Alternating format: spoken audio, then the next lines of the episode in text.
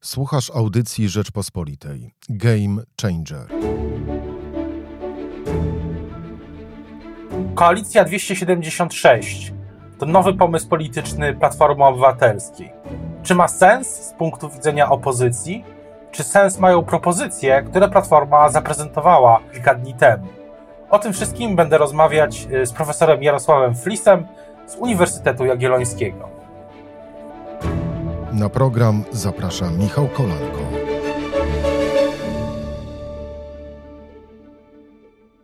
Dzień dobry, Michał Kolanko. W podcaście Game Changer witam dzisiaj profesora Jarosława Flisa z Uniwersytetu Jagiellońskiego. Dzień dobry. Dzień dobry. Chciałbym zapytać na początek o nową inicjatywę Platformy Obywatelskiej, Koalicja 276. E, była tam też e, w ubiegłą sobotę zaprezentowana taka paczka programowa, czy raczej zarys programowy, ale skupmy się na chwilę na tej właśnie inicjatywie 276, czyli y, Platforma chce, żeby opozycja miała łącznie 276 mandatów. Co pan na to?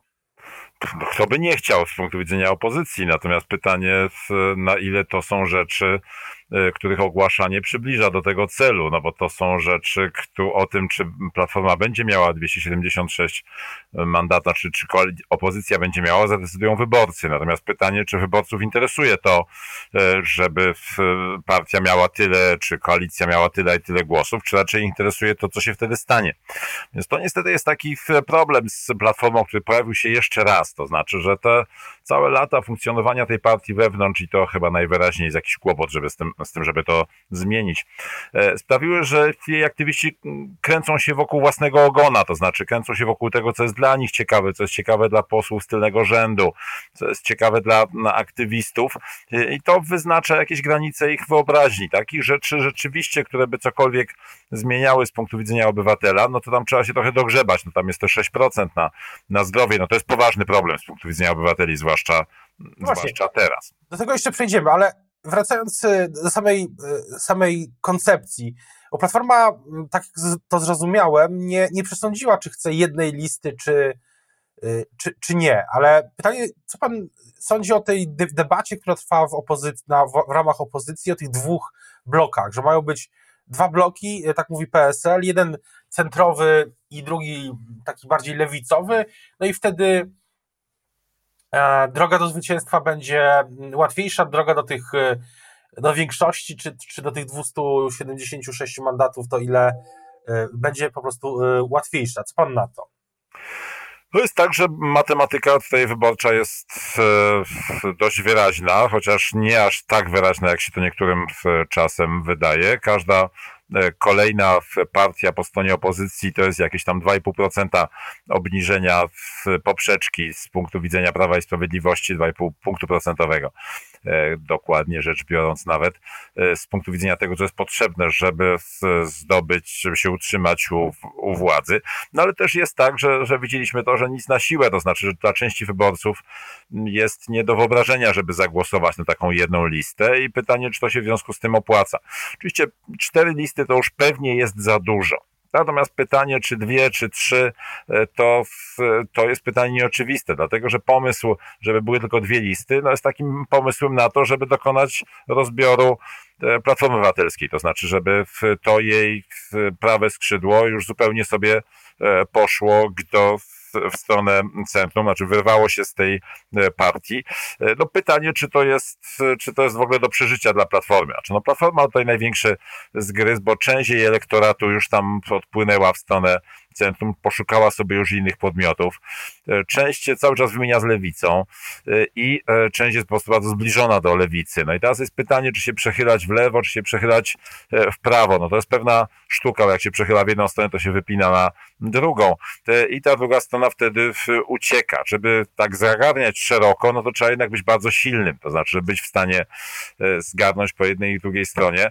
Natomiast no to, żeby być silnym, to trzeba mieć coś nowego do powiedzenia. Jest, no właśnie, to jest, wracając do, to jest właśnie to zagarnienie po jednej i drugiej stronie, no to jest ta koncepcja Donalda Tuska, skrzydeł, że Platforma ma skrzydła, miała kiedyś e, wyraźne skrzydła i na tamten czas, gdzie to działało.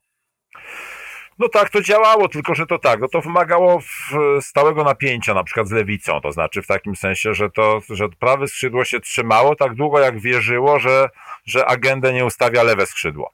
A w tym momencie pojawia się taki problem, patrząc na to, na tą wczorajszą, czy sobotnią e, listę, no tam widać, że tam z, z konserwatywnego punktu widzenia, z punktu widzenia konserwatywnego skrzydła nie ma niczego, natomiast z punktu widzenia e, lewego skrzydła, no to, to jest rozdział kościoła od państwa i, i, i tego typu rzeczy tam się E, pojawiają. E, także jest tam kłopot. No, żeby utrzymać równowagę, to te skrzydła muszą być. Natomiast no, to skrzydło prawe gdzieś tam strasznie się osłabło przez te 10 lat ostatnich, czy nawet e, kilkanaście e, i e, przeszczepy się niespecjalnie udały, te nowe, więc pytanie, czy tam rzeczywiście jest, czy to jest tylko tak, no bo to, że się coś chce zrobić, to jeszcze wcale nie znaczy, że to się realnie dzieje, czy że to się gdzieś się, gdzieś się stanie. To znaczy Platformie jest potrzebne jakiś namacalny dowód na to, że w ogóle się czymś takim zajmuje. No ale jest cały czas pod taką presją, bo to tych lewe skrzydło lepiej słychać, ma silniejsze media, e, cały czas się tam do, dobija, jest wyraźna konkurencja w postaci lewicy, która przejawia e, sporą aktywność i to jest e, główny problem Platformy, to znaczy, że ona jest też pchana w lewo przez to, że te środowiska, które były kiedyś na jej prawym skrzydle, bardzo osłabły, to znaczy nie osłabły w sensie wyborców, ci wyborcy dalej przesądzają o tym, co, kto wygra w wybory, to było widać w wyborach prezydenckich, ale nie jest takie silne instytucjonalnie, jest rozbite na kilka nurtów, na, nie ma takiego, takiej wyraźnej opowieści medialnej. To jest chyba główny problem Platformy. Co do, tych, co do tych problemów, to jest ich kilka, ale jeszcze jest, ale cały czas będę wracał jeszcze do tych dwóch bloków, bo gdy powie się politykom Platformy o tym, że mm, może właśnie dwa takie bloki, to oni mówią nie, nie, nie, e, potrzebny jest, e, potrzebny jest blok centrum, z PSL-em i z Szymonem Hołownią, a Lewica idzie, idzie samodzielnie, my się nie damy e, właśnie tak, e, mówiąc kolokwialnie, władować. I czy, czy, czy taki koncept, koncepcja właśnie tego bloku centrum e, ma, ma dla Pana większy sens niż ta koncepcja dwóch bloków, które opisałem wcześniej?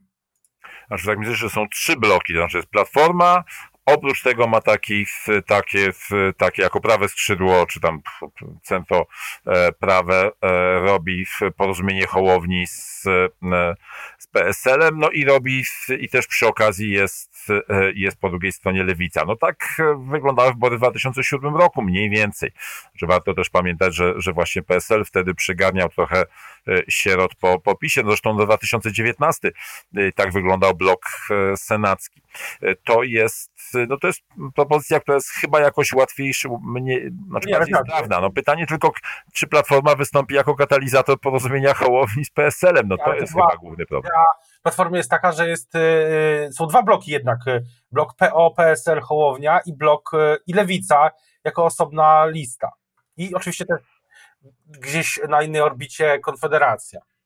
No tak, znaczy to, to wydaje się mało prawdopodobne z punktu widzenia PSL-u, to znaczy to, to jest, no bo to, to oznacza, że PSL, że nie ma alternatywy dla, dla platformy jako takiej, tak? że to jest, że to jest platforma z datkami. No to jest marzenie platformy, ale pytanie, czy ono jest w ogóle realne, to znaczy, czy, czy Hołownia i czy PSL ma na to ochotę.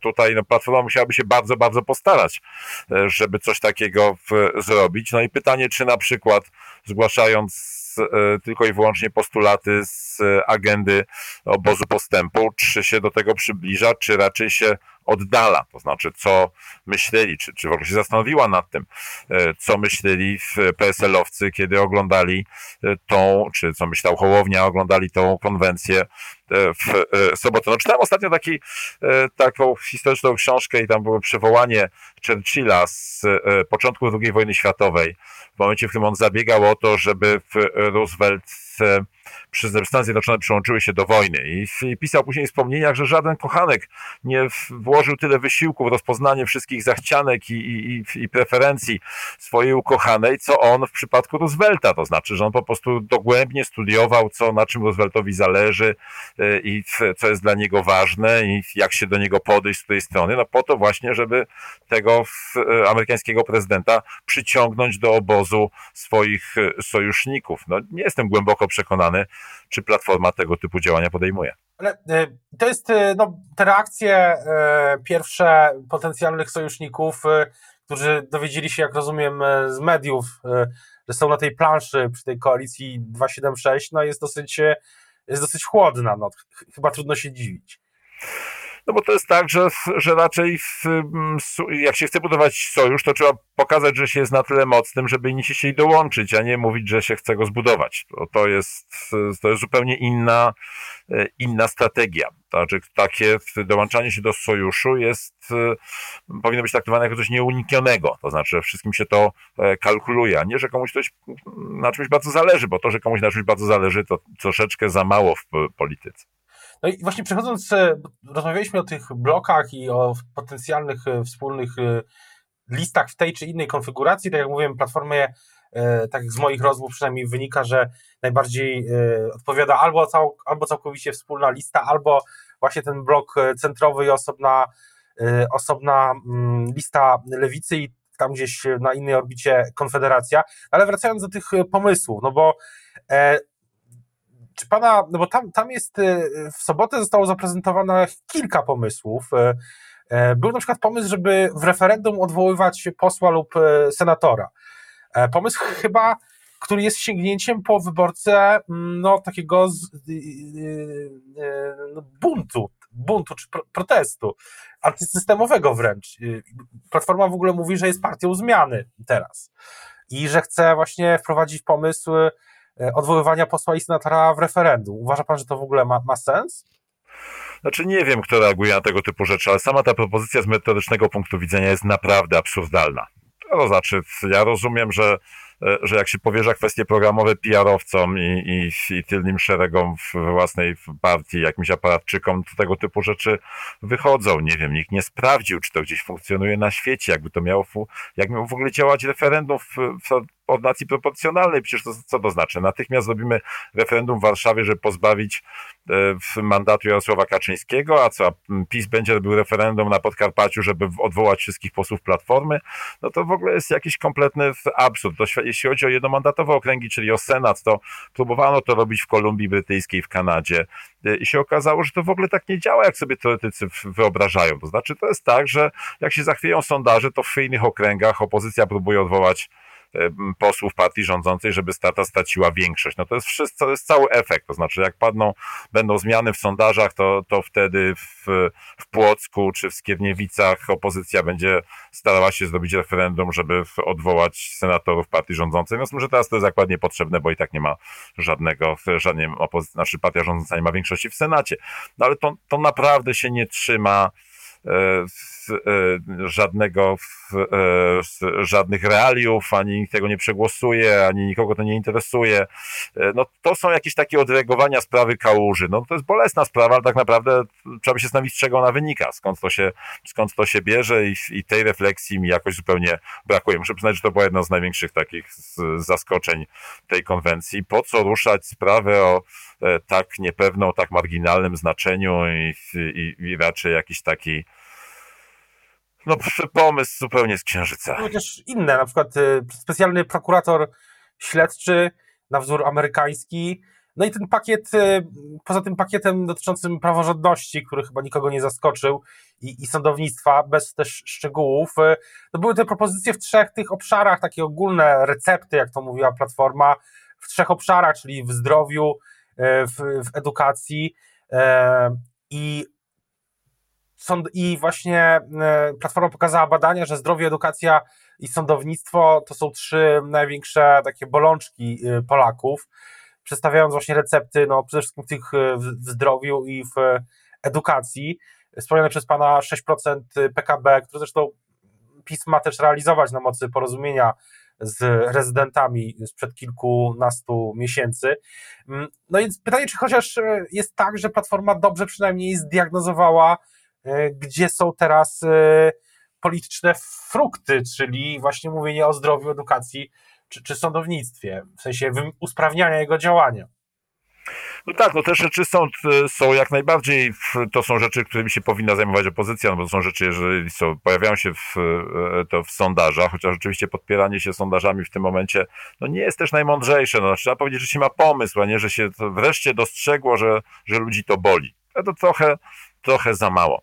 No i oczywiście ważne jest to, żeby to robić głównym tematem, żeby go nie przykrywać tematami e, typu Kościół, TVP, e, i, i specjalni prokuratorzy. No, ze specjalnymi prokuratorami jest pewien problem, to znaczy taki, że, że tak to sobie właśnie też wyobrażał, wyobrażał Zbigniew Ziobro i rozumiem, że tu pytanie, jaka, na czym będzie polegać różnica. No drugi problem z praworządnością jest taki, że ta karta była naprawdę już bardzo często grana w minionych latach i widzimy, że ona tak do końca nie, nie działa. To jak już, jak już ktoś się tak bardzo chce zajmować technologią władzy i bardzo myśl, tylko się na tym koncentruje, nie tam jakichś realnych potrzebach, no to powinien wiedzieć, że jest takie zjawisko jak własność tematów i akurat temat e, praworządność e, jest takim tematem, w którym się, w którym wyborcy więcej przypisują E, kompetencji w obecnej partii rządzącej.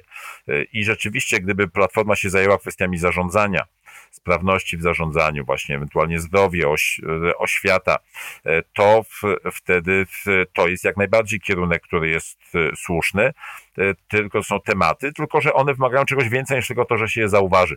Znaczy to są, w, no i przede wszystkim trzeba je pokazywać jako swoje główne tematy, a nie, a i jeszcze, jeszcze program, a zapomnieliśmy, jeszcze o programie trzeba by powiedzieć. No to, e, to jest pytanie, jak pokazać, że nam na tym naprawdę zależy, e, a nie, że akurat wyczytaliśmy z sondaży, e, że w, dla wyborców to jest ważne, więc chociaż nas to w ogóle nie interesuje, no to się tym zajmiemy. Bo też inny pomysł, który, jak rozumiem, jest już realizowany, widziałem przed naszą rozmową w mediach e, społecznościowych e, konferencję, czy zapowiedź konferencji jednego z posłów Platformy, to jest właśnie wspólne, to jest obywatelski projekt dotyczący likwidacji TVP e, Info i jak rozumiem i abonamentu, jak rozumiem chodzi o to, żeby, że ponieważ wszyscy wyborcy opozycji są nie lubią TVP Info, tak, czy większość może, no to zróbmy coś, co nas wszystkich połączy i stąd e, telewizja publiczna. No ale to jest pytanie, po co sobie robić wrogów z dziennikarzy z telewizji regionalnych, no bo to oznacza de facto w Polsce, że likwidujemy telewizje regionalne, chyba że ktoś ma jakiś pomysł, co zrobić z telewizjami, czy, czy utrzymają się telewizje komercyjne na poziomie regionalnym. Mam w tej sprawie poważne E, wątpliwości. No i to jest e, też e, coś takiego, co znowu dużo bardziej interesuje aparat niż rzeczywiście jest bieżącą, bieżącą bolączką tych wyborców, którzy się wahają bo to o nich trzeba powiedzieć. Czy oni naprawdę chcą, to, to jest dla nich najważniejszy problem, że jest jakaś, jak wśród iluś tam dziesiątków stacji telewizyjnych jest jakaś jedna, której, w której się dzieją różne dziwne, dziwne rzeczy. Ja w każdym razie w tej sprawie mam wątpliwości. Dla mnie to jest raczej sygnał, że interesuje nas to, co nas boli, a nie to, co boli naszych wyborców. No i też w tym wszystkim kontekstem tego sobotniego wydarzenia jest reakcja e, no, samych e, zainteresowanych e, najbardziej, czyli na przykład Szymona Hołowni, który generalnie nie zrobił politycznie, świadomie myślę, e, no, po, po, strategia była przemilczania jednego wpisu w mediach e, społecznościowych lekko ironicznego, właśnie, że dowiaduje się z YouTube'a o, o tym, co się wydarzyło. Znaczy, czy Pana zdaniem Szymon Hołownia może być, może stworzyć taką partię, która trwale będzie tak zwaną partią jak to e, niedawno pisał, e, jak to niedawno pisał strateg polityczny Tomasz Karol, partią przelotką, taką partią, która zbierze, tak jak pan powiedział wcześniej, w kontekście 2007 roku sieroty po PiSie, znaczy, możliwe jest wszystko, natomiast to jest niezwykle trudne zadanie, na które trzeba mieć jakiś pomysł, bo widzieliśmy, że takich pomysłów na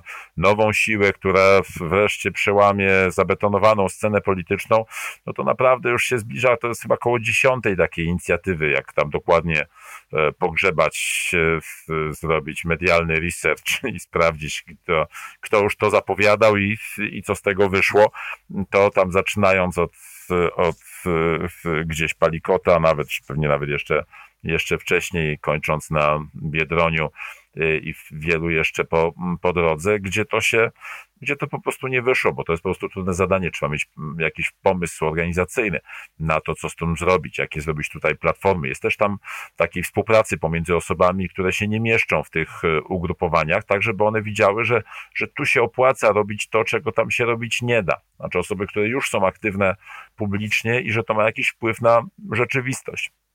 Oczywistym e, problemem tego typu ugrupowania jest pytanie, jak się ustawić w stosunku do burmistrzów miastów powiatowych. No to jest, to jest taka potężna siła e, w polskiej w polityce, taka cicha e, siła, którzy kiedyś, no to tam się sympatyzowali, ale się nie zaciągali do Platformy, no część do, do PSL-u, w którym się trzymają się na na dystans. Na pewno PiS jest e, w dybie na ich stołki, w związku z czym oni go ogrywają bardzo często i, i to jest na pewno przeciwnik, e, ale wcale nie jest oczywiste, z kim oni będą chcieli e, pójść w sojuszach, czy, czy kogo będą chcieli popierać, gdzie ich ludzie, bo oni przecież też mają swoje obozy, będą chcieli dołączyć. Więc pytanie, czy Hołownia będzie w e, takim miejscem, gdzie e, radni z Komitetu Burmistrza Miasta Powiatowego będą się chcieli spotykać, będą chcieli wyrażać swoje opinie, będą chcieli wpływać na rzeczywistość trochę szerzej niż tylko we własnym mieście. I wtedy to oczywiście jest pewna e, szansa, ale to rzeczywiście nie jest wcale takie łatwe. Widzieliśmy takie ugrupowania w Czechach, e, na Słowacji i no też widać, że one mają jakieś tam swoje, swoje sufity, do, powyżej których nie są w stanie przeskoczyć. Więc teoretycznie jest możliwa jeszcze w Polsce taka jedna partia obrotowa na, na taką nutę, na jaką gra E, Hołownia. Natomiast pytanie, czy, e, czy jest jakiś pomysł, jak ona miałaby funkcjonować, bo na razie te pomysły, żeby tam tworzyć e, jakiś klub parlamentarny, to dla mnie są mocno wątpliwe, bo widzieliśmy po Palikocie, po Kukizie, po Petru, że w tych kuluarach sejmowych, to, to tak naprawdę dużo łatwiej się zgubić, potknąć i zupełnie oderwać od rzeczywistości, a nie zbudować swoją pozycję. Też sam Szymon Hołownia postawił na początek na transfery z, z platformy, czy z okolic platformy, bo y, pan y, senator Bury nie jest y, członkiem, nie był członkiem platformy, ale startował oczywiście jako kandydat koalicji obywatelskiej, no a pani poseł Joanna Mucha w, jest, no była jedną z twarzy platformy obywatelskiej. To były dwa ostatnie transfery. Wcześniej pani poseł Hanna Gil-Piątek, która startowała z list lewicy. No ale myślę, że jeśli mm, Szymon Hołownia chce przy, przyciągnąć e, wyborców PiSu, no to te transfery nie pomagają, mówiąc tak delikatnie. No też mam takie, takie wrażenie. Pytanie, czy to, to właśnie, właśnie traci się to, co e, jest jakimś elementem nowości, jakimś elementem tego, że to nie wracamy do, do starych E, kolei, tylko pojawia się coś nowego. Wiemy, że te obietnice bywają zawodne, ale jednak e, do, są jedną z tęsknot, które mają wyborcy i sprawia to wszystko, że się, e, że gdzieś jakoś te, te nadzieje się skupia, że to będzie jednak coś nowego. No już mówiłem wielokrotnie, że to z taką ufajdaną polityką, to jest tak z ufajdanymi dziećmi, zawsze jest to pytanie, czy myć stare, czy robić nowe i, i wydaje się, że wyborcy wszędzie na świecie e, wolą e, robić, e, wolą nowych polityków w starych partiach niż nowe partie ze starych polityków, bo to rzeczywiście nie jest żadna zmiana, niezwykle przenoszą swoje wyobrażenia, swoje, swoje ograniczenia też z tych e, starych partii, to jak, jak się powinno działać. No i wtedy jest bardzo ciężko jako jakąś nową jakość, bo wiadomo, że nowe szyld to nie jest nowa jakość. A nowa jakość to jest coś, co albo zupełnie nowi ludzie. Szymon Hołownia jest nowym człowiekiem w polityce. No tak, ale to, ale to nie to przesądza o, o jego, czy każdym dniem jest coraz mniej nowym. To, to jest ten e, problem, który pokazuje, dlaczego też wiele takich nowych inicjatyw ma problemy w drugich wyborach, a to już będą drugie wybory, w których będzie startował Hołownia, bo pierwsze to były prezydenckie. E, I bo to jest tak, że nowe partie wygrywają dlatego, że są nowe, a stare partie wygrywają dlatego, że są stare. No ale w kolejnych wyborach, no to stare partie dalej są stare, czyli mają tą przewagę, którą już miały przyzwyczajenie wyborców i, i jakieś zrozumienie, kto to jest. Natomiast nowe partie przestają być już nowe i to jest chyba źródło problemów. Kukiza, właśnie Palikota, Petru. No, żadnych wyborów na horyzoncie nie ma, e, przynajmniej e, w tym, w ten poniedziałek 8 e, lutego, bo sytuacja zmienia się dynamicznie, jest złożona bardzo Zjednoczonej Prawicy. I rozmawiałem tydzień temu z Adamem Bielanem w podcaście Game Changer i on mówi, że powiedział coś takiego, że, mm, że jego zdaniem no, żywot polityczny takich nowych inicjatyw jest zwykle na tyle krótki, że Hołownia może nie dotrzeć do e, dotrzeć do wyborów w 2023 roku, jeśli będą. To oczywiście e, taka uwaga e, Adama Bielana. I tak na koniec chciałbym zapytać, czy, czy rzeczywiście widzi Pan, że taki, taki scenariusz, że mm, Hołownia nie, nie przetrwa nowością do tych wyborów za trzy lata? To już pytanie zupełnie na koniec. No to jest możliwe, natomiast wydaje się, że dużo większy problem jest to, czy, e, czy Zjednoczona Prawica dotrwa, bo faktycznie te pęknięcia tam są dużo, e, dużo większe, więc to, co może utrzymać e, przy życiu Hołownię, to są raczej problemy Platformy i problemy PiSu. Znaczy, jeśli oni będą mieć narastające problemy, to wtedy to jest dla niego szansą. Jeśli oni rozwiążą swoje problemy, to wtedy zawsze jego szanse maleją. I tutaj postawimy kropkę. Bardzo dziękuję za rozmowę. Na pewno moglibyśmy jeszcze bardzo długo e, rozmawiać o opozycji i o Zjednoczonej Prawicy, bo tam, jak mówiłem, dzieją się rzeczy nowe, mam wrażenie jednak. Teraz bardzo już dziękuję za rozmowę. W podcaście Game Changer Państwa i moim gościem był profesor Jarosław Flis z Uniwersytetu Jagiellońskiego. Dziękuję bardzo. Dziękuję pięknie. Słuchaj więcej na stronie podcasty.rp.pl. Szukaj Rzeczpospolita Audycje w serwisach streamingowych.